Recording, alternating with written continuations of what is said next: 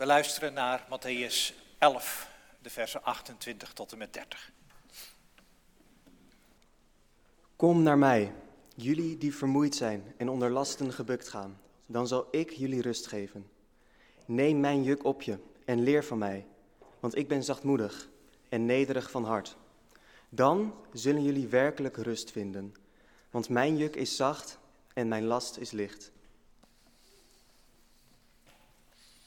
Boven de preek staan woorden uit het slot van de schriftlezing van vandaag. Mijn juk is zacht en mijn last is licht, maar vooral mijn juk is zacht. Gemeente van onze Heer Jezus Christus, wij hebben nogal wat verwachtingen.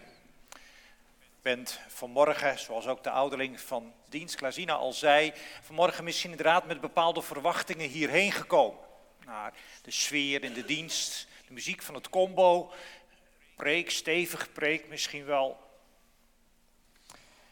We hebben allerlei verwachtingen. Aandacht bijvoorbeeld. Ik had wel gedacht dat je me zou bellen. Of dat je langs zou komen. Of we verwachten van elkaar een bepaalde prestatie, een hoger of een allerhoogst, een topcijfer. Targets, doelen. Onze samenleving is er vol van. Bewust of onbewust hebben we er allemaal mee te maken. Niemand uitgezonderd. Maar laten we ons niet vergissen, zoals ik ook al tegen de kinderen zei, je verwacht misschien voor je verjaardag van alles, uh, veel slingers, uh, toch bepaald wel een beetje aardige cadeautjes, uh, een stevige taart, maar ook omgekeerd verwachten mensen het nodige van ons. En we gedragen ons ernaar.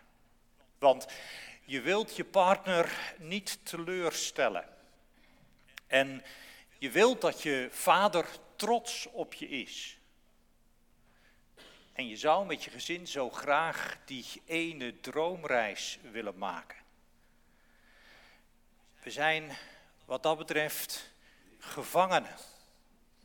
We zijn verstrikt geraakt in de loop van ons leven en iedere dag opnieuw en misschien zelfs wel iedere dag meer. We zijn verstrikt geraakt in verwachtingen van anderen, maar net zo goed van wat anderen van ons verwachten. Dat lijkt me een recept voor spanningen, een recept voor stress. Zal die ander waar kunnen maken wat ik verwacht? Maar ook kan ik wel voldoen aan datgene wat een ander van mij hoopt. Ik zou heel eerlijk willen vragen vanmorgen, hoe zit dat nou eigenlijk met jou? Hoe zit dat met de verwachtingen die jij van anderen hebt? Heb je de lat hoog gelegd? Of misschien toch iets lager? Waar ligt jouw lat? Maar ook omgekeerd. Wat denk je? Want soms zijn het ook alleen maar gedachten, denkbeelden. Wat denk je dat een ander van jou verwacht? Ben je misschien bang om die ander teleur te stellen? Ben je misschien moe om steeds maar weer te proberen voldoen aan al die verwachtingen van anderen? En ligt de desillusie op de loer? Ik zou je dezelfde vraag eigenlijk willen stellen waar het gaat om je verhouding, je relatie met God, met Jezus. Wat verwacht je nou eigenlijk van Hem in je leven? Maar ook, wat denk jij dat Hij van jou verwacht? Ik kan me voorstellen dat je zo'n vraag een beetje van je af wilt houden, want het is natuurlijk best wel een lastige vraag. Het is ook nogal een persoonlijke vraag. Eigenlijk ligt heel je geloof daarmee ineens op tafel. Hoe zit dat nou? En het vraagt ook het vermogen om heel eerlijk naar jezelf te kijken. Om niet uh, lastige gedachten, lastige gevoelens weg te duwen, van je af te duwen.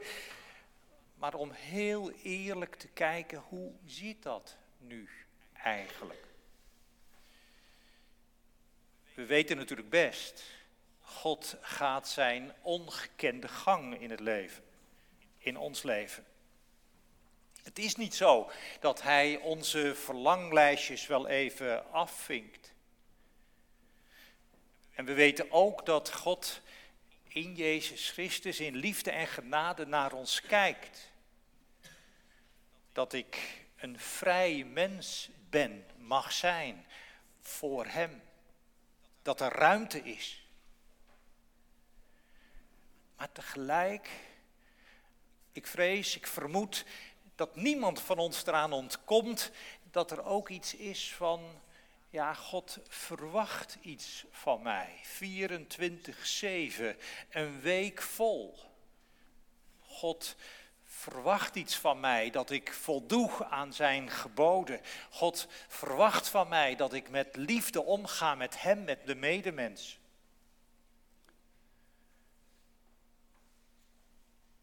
Ooit vertelde een mantelzorgster dat aan haar de vraag gesteld werd bij alle verwachtingen die er waren. En wie zorgt er nou voor jou? Ze had voortdurend op haar tenen gestaan, voortdurend geprobeerd dat te doen wat anderen hoopten dat ze zou doen. En ze had zichzelf eigenlijk niet de ruimte gegeven om die vraag aan zichzelf te stellen. Ja, hoe zit het nu met mij? kom ik ergens op enig moment tot rust. Aan jou en aan jou, aan een ieder die vanmorgen probeert en eerlijk zegt, ja ook ik probeer alle ballen in mijn leven in de lucht te houden. Aan jou zegt Jezus vanmorgen, kom tot mij want mijn juk is zacht en mijn last is licht. Aan jou dus, die probeert aan al die verwachtingen in het leven te voldoen. Van mensen om je heen en ook van God. Mijn juk is zacht. Dat is best confronterend. Want het zet eigenlijk onze hele manier van denken op zijn kop. Het is net anders dan wij denken.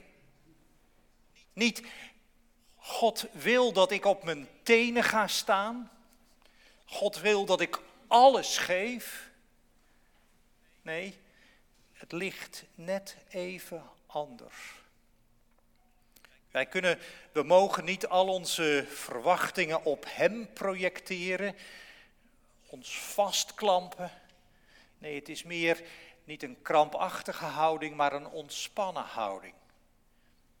Handen openen. Handen openen, ruimte maken om te ontvangen. Om hem te laten zijn wie hij is. Jezus heeft dat ooit gezegd in een, in een wereld, ook in een samenleving vol van onrust. In het voorafgaande gedeelte gaat het over Johannes de Doper. Johannes de Doper die eigenlijk diep teleurgesteld is. Als hij hoort wat er gebeurt met Jezus. Hoe Jezus door het leven gaat, wat Jezus doet. Hij had kennelijk anders verwacht. In het voorafgaande gedeelte is het Jezus die de mensen aanspreekt in bepaalde steden en dorpen in de omgeving die zich niet bekeerd hebben onrust. Maar dan ineens verandert de toon. Dan ineens komen deze woorden. Kom allen tot mij die belast, beladen zijn, alle die gebukt gaan. En dan zegt hij dit. Neem mijn juk op je en leer van mij. Met andere woorden, als je dat juk op je neemt, dan kun je stappen maken, stappen verder komen. Wat is nu dat juk? letterlijk kunnen we daar wel een paar dingen over zeggen. En ik denk dat dat ook tegelijkertijd een bepaalde geestelijke betekenis heeft. Wat is nu dat juk? Nou, dat juk was in die tijd een constructie om twee lastdieren, twee trekdieren bij elkaar te houden. Een dwarsboom en een boom naar ja, de wagen, de ploeg, wat dan ook. En door dat juk kon je als het ware de trekkracht maximaliseren. En niet één dier, nee, twee dieren. En dat moesten ook twee gelijkwaardige dieren zijn. Heel apart, in de wet van Mozes wordt verboden dat je onder een juk als een span een rund, os bijvoorbeeld, en een ezel gebruikt. Dus niet twee ongelijkwaardige dieren, dat werkt niet, dat gaat niet. Over dierenwelzijn gesproken, het is natuurlijk ook niet goed voor het zwakste dier en misschien ook wel niet goed voor het sterkste dier van die twee. De wet verbiedt het. Maar tegelijkertijd, dat juk is goed om de trekkracht te vergroten. Dat juk, dat vergroot dus de opbrengst van het werken op het land. De last wordt dus beperkt. Je zou kunnen zeggen, de last wordt verdeeld. De last wordt verdeeld over twee. En ook omgekeerd, als je twee dieren los van elkaar zou proberen eh, dingen te laten doen, dan gaat dat natuurlijk alle kanten op. Dus die dieren worden ook bij elkaar gebracht. Er zit ook iets in van een bepaalde samenhang, een bepaalde samenwerking. Dat juk, dat klinkt dus in eerste instantie negatief, maar er zitten ook positieve kanten aan. En als Jezus dat beeld dan gebruikt, wat, wat bedoelt hij dan precies? Allerlei beelden zijn in de uitleg langsgekomen. De ene uitlegger zegt, het is de wijze waarop Jezus de wet uitlegt. Bijvoorbeeld dat de Sabbat er is voor de mens en niet de mens voor de Sabbat. Met andere woorden, het gaat in Jezus leren van de wet om het vinden van vrijheid, ware vrijheid voor Gods aangezicht. Of dat juk, daarmee kan ook bedoeld zijn Jezus zelf, de manier waarop hij met de Vader, met mensen, met medemensen omging. Dat juk, dat kan ook juist zijn omdat het licht genoemd wordt, omdat het goed genoemd wordt, genade. Genade van Gods wegen. Genade die bepalend is voor hoe God met ons omgaat, barmhartig, liefdevol. Al faal ik, toch laat God mij niet los. En weer een ander zegt, nee, dat juk van Jezus, dat heeft te maken met dat visioen van de profeten. Die oud-testamentische profeten die het hebben over de rust van de man, de vrouw, de mens onder zijn eigen vijgenboom naast zijn eigen wijngaard. In alles, want dat viel me wel op toen ik dat wat nalas en er verder wat over nadacht. Als je probeert dat met elkaar weer op één noemer te brengen, dan kom je toch ergens uit op dat woordje liefde. God, Jezus die zichzelf offert, die zichzelf geeft, die zichzelf aanbiedt in het volste vertrouwen.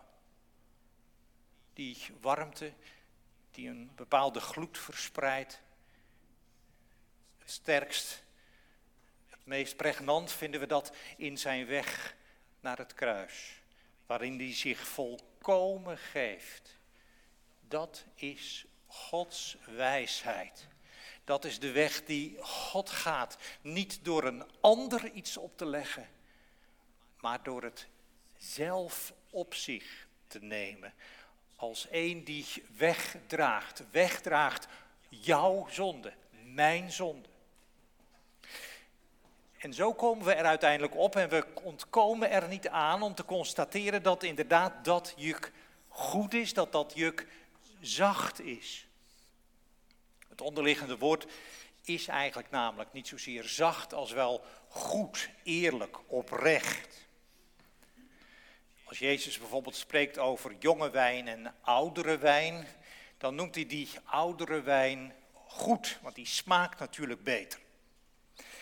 En in de brieven gaat het over de goedheid van God en over de goedheid van mensen tegen elkaar. En steeds is het datzelfde woord, het woordje ja, wat hier vertaald is met zacht. Je zou kunnen zeggen, het gaat over de zachtheid van God voor mensen. Het gaat over de zachtheid van mensen voor elkaar. In de Jeremia-profetie, Jeremia 24, gaat het op dezelfde wijze over goede vijgen. En dat zijn natuurlijk eigenlijk smakelijke vijgen. Nou, zo krijgen we een beetje een sfeer, krijgen we een beetje een smaak van wat betekent dat woordje zacht nu. Er zit iets in van, ja, het kan niet verkeerd zijn. Het kan niet verkeerd aflopen. Het goede van dat juk is dus dat het te dragen is. Er wordt niet iets onmogelijks van je gevraagd. Integendeel. Misschien is het zelfs nog wel iets sterker. Eh, het juk is zo goed te dragen dat je er bijna niets van voelt. Of het is bijna een weldaad om dat juk te dragen. Je voelt je er plezierig bij. Het levert je iets op. Je komt er verder mee.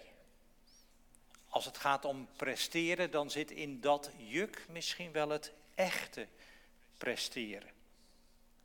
Let ook op de parallellen. Mijn last is licht, mijn juk is zacht.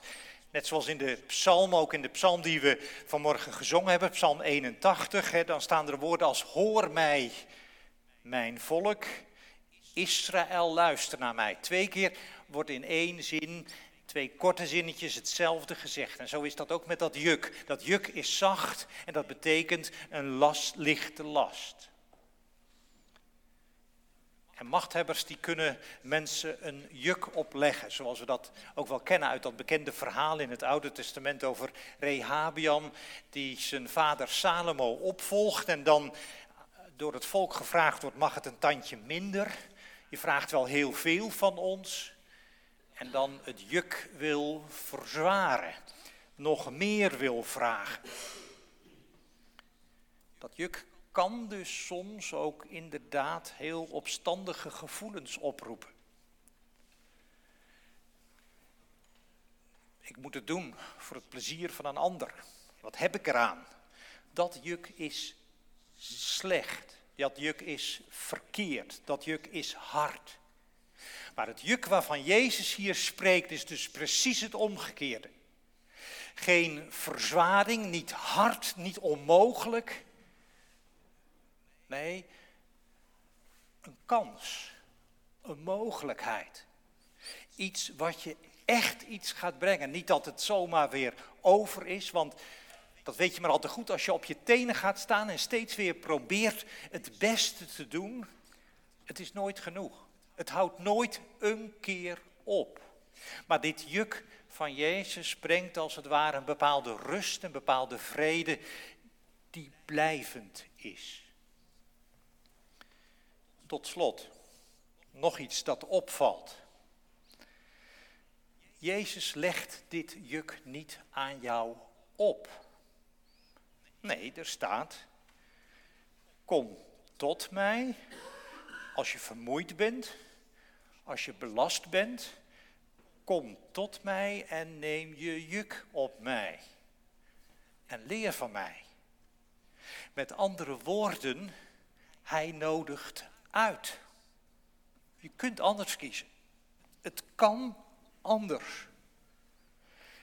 Maar met zijn juk is verbonden dat het je goed gaat.